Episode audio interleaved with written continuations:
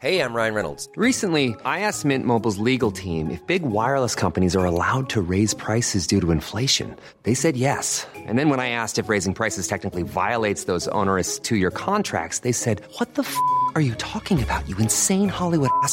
So to recap, we're cutting the price of Mint Unlimited from $30 a month to just $15 a month. Give it a try at mintmobile.com slash switch. $45 upfront for three months plus taxes and fees. Promo rate for new customers for limited time. Unlimited more than 40 gigabytes per month. Slows. Full terms at mintmobile.com.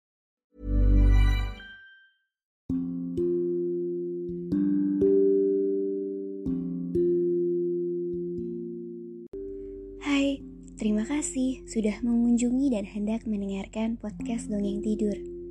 Aku Iren Evita. Selama ini aku pakai aplikasi Anchor untuk buat dan publish seluruh episodeku. Kalian juga bisa loh download dan pakai Anchor untuk buat podcast karena 100% gratis dan bisa didistribusikan ke Spotify dan platform podcast lainnya.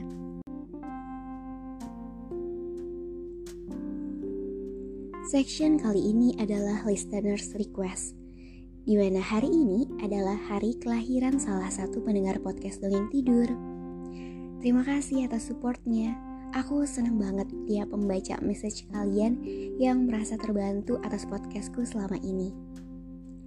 Malam ini, kelahiran seorang Scorpion King atau Raja Kalajengking yang baru akan menemani dan menyelamatkanmu dari kehancuran dunia.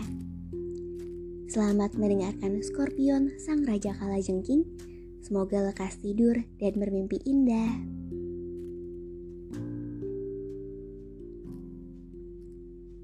Pada saat sebelum adanya piramida di Mesir, ada sepasukan prajurit dari timur yang dipimpin oleh Memnon, seorang penguasa bengis. Mereka telah menginvasi dan menaklukkan beberapa suku untuk memperluas daerah kekuasaannya.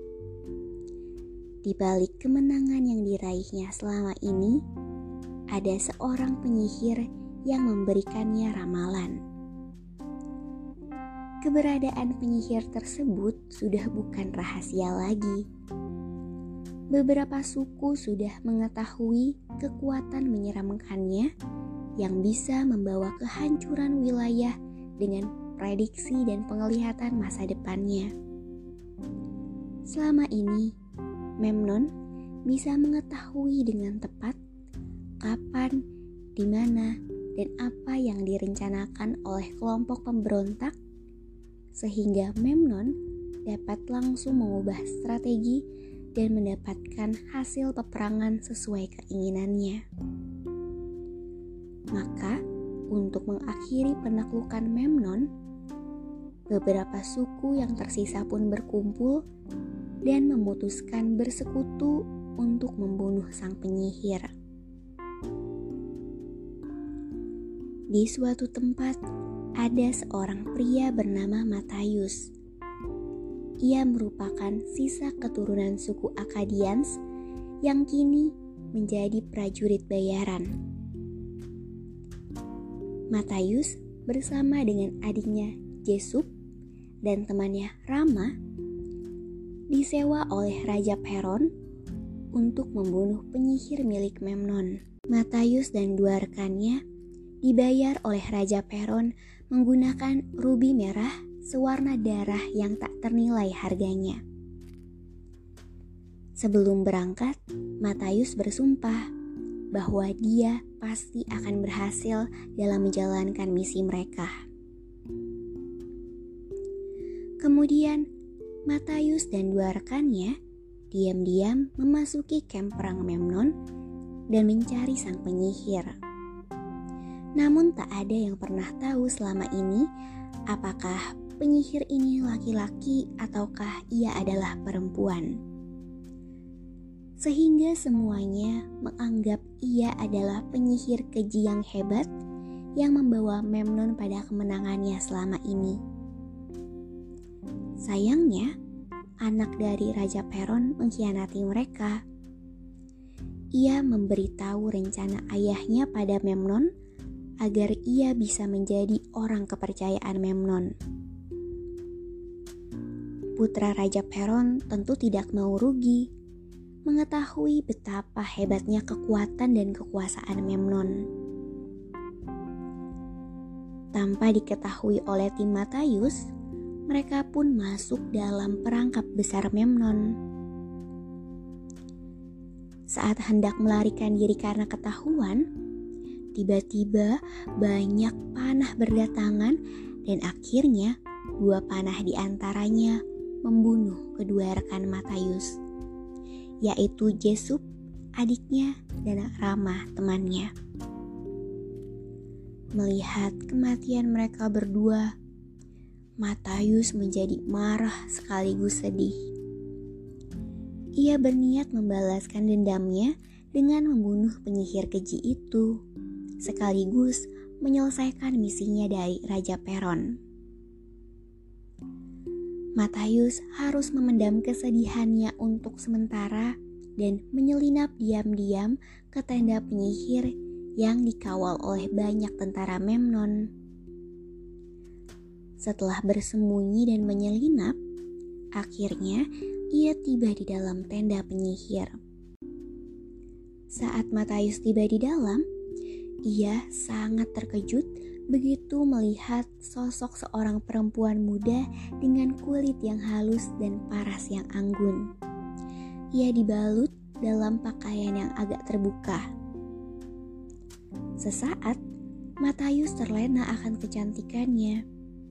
Namun ia segera sadar bahwa perempuan cantik ini ialah sang penyihir yang harus dibunuhnya dalam misinya sang penyihir yang kejam dan bengis yang membantu Memnon untuk memenangkan dan menaklukkan banyak suku dan kerajaan lainnya.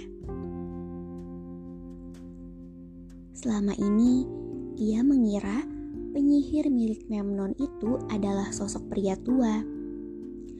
Sehingga ia tidak menyangka ternyata gadis muda ini adalah kaki tangan kemenangan Memnon yang bengis. Perempuan penyihir itu bernama Cassandra, yang tentu saja mengetahui siapa pria penyusup di hadapannya ini dan apa misinya melalui penglihatannya. Tidak butuh waktu lama untuk para penjaga Memnon datang mengepung ke dalam dan menangkap Matayus. Saat Matayus hendak dibunuh oleh Memnon dengan cara dipenggal, tiba-tiba Cassandra mendapatkan penglihatan.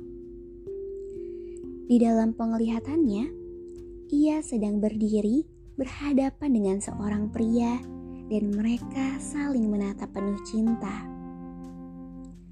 Pria itu tak lain adalah Matayus, orang yang hendak membunuhnya tadi. Masih kebingungan dengan apa yang baru ia lihat, Cassandra segera menghentikan jenderal yang hendak memenggal Matayus dan meminta agar tidak langsung membunuh Matayus. Ia memutuskan bahwa sudah cukup untuk membuat Matayus pingsan lalu mengubur seluruh tubuhnya sampai ke leher di padang pasir. Supaya ia dimakan oleh semut api yang lapar sehingga ia tersiksa dan mati perlahan.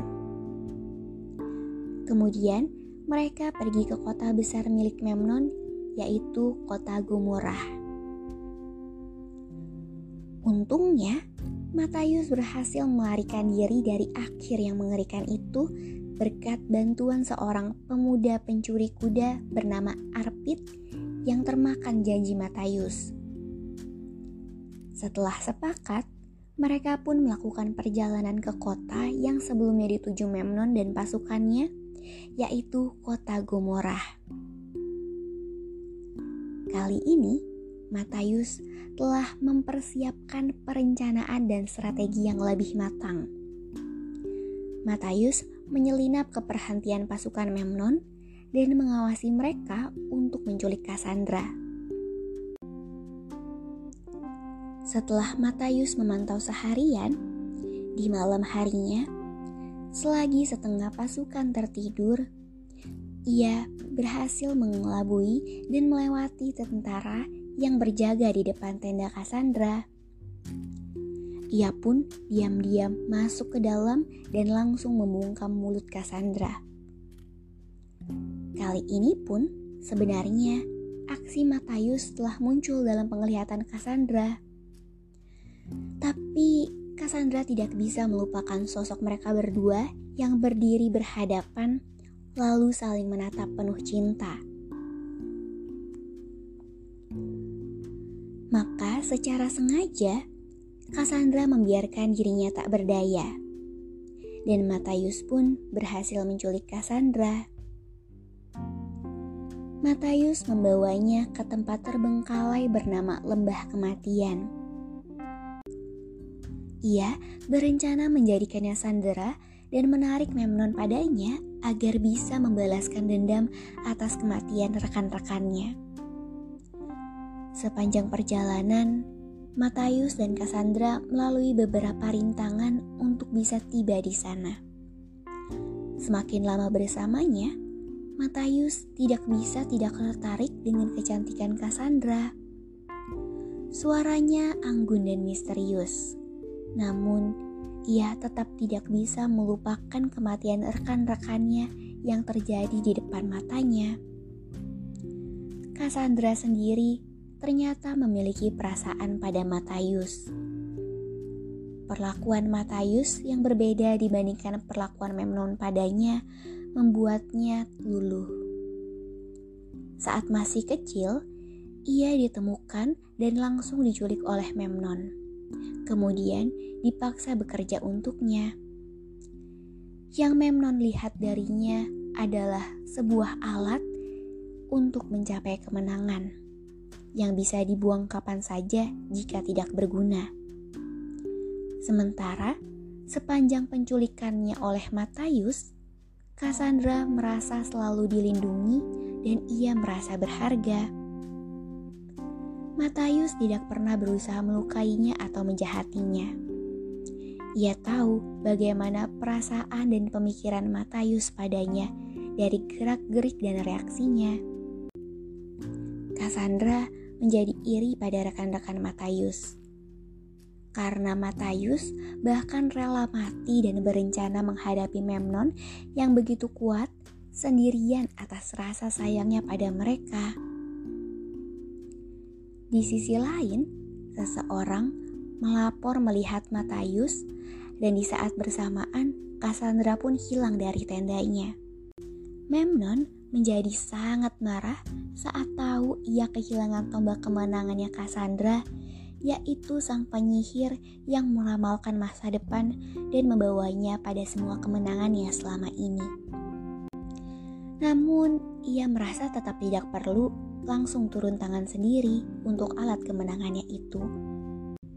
Maka, ia mengutus jenderal utama Torak beserta beberapa pengikutnya untuk menjalankan misi yaitu mengambil kembali Cassandra dan membunuh Matius. Kemudian, Torak dan pasukannya pun tiba di lembah kematian. Lembah kematian ini memiliki nama demikian karena tiba-tiba muncul badai pasir yang sangat hebat dan ganas. Debu berterbangan di mana-mana. Bahkan mata sulit dibuka karena perih dengan pasir itu. Pertarungan di medan yang sangat sulit dan menantang ini pun berlangsung sengit antara Torak dan pasukannya dengan Matius yang seorang diri saja. Apakah Matius berhasil menang melawan pasukan Memnon? Apakah Matius bisa menyelesaikan misinya untuk membunuh sang penyihir Cassandra? Bagaimana kelanjutan pembalasan dendam Matius atas kematian keluarga dan rekan-rekannya?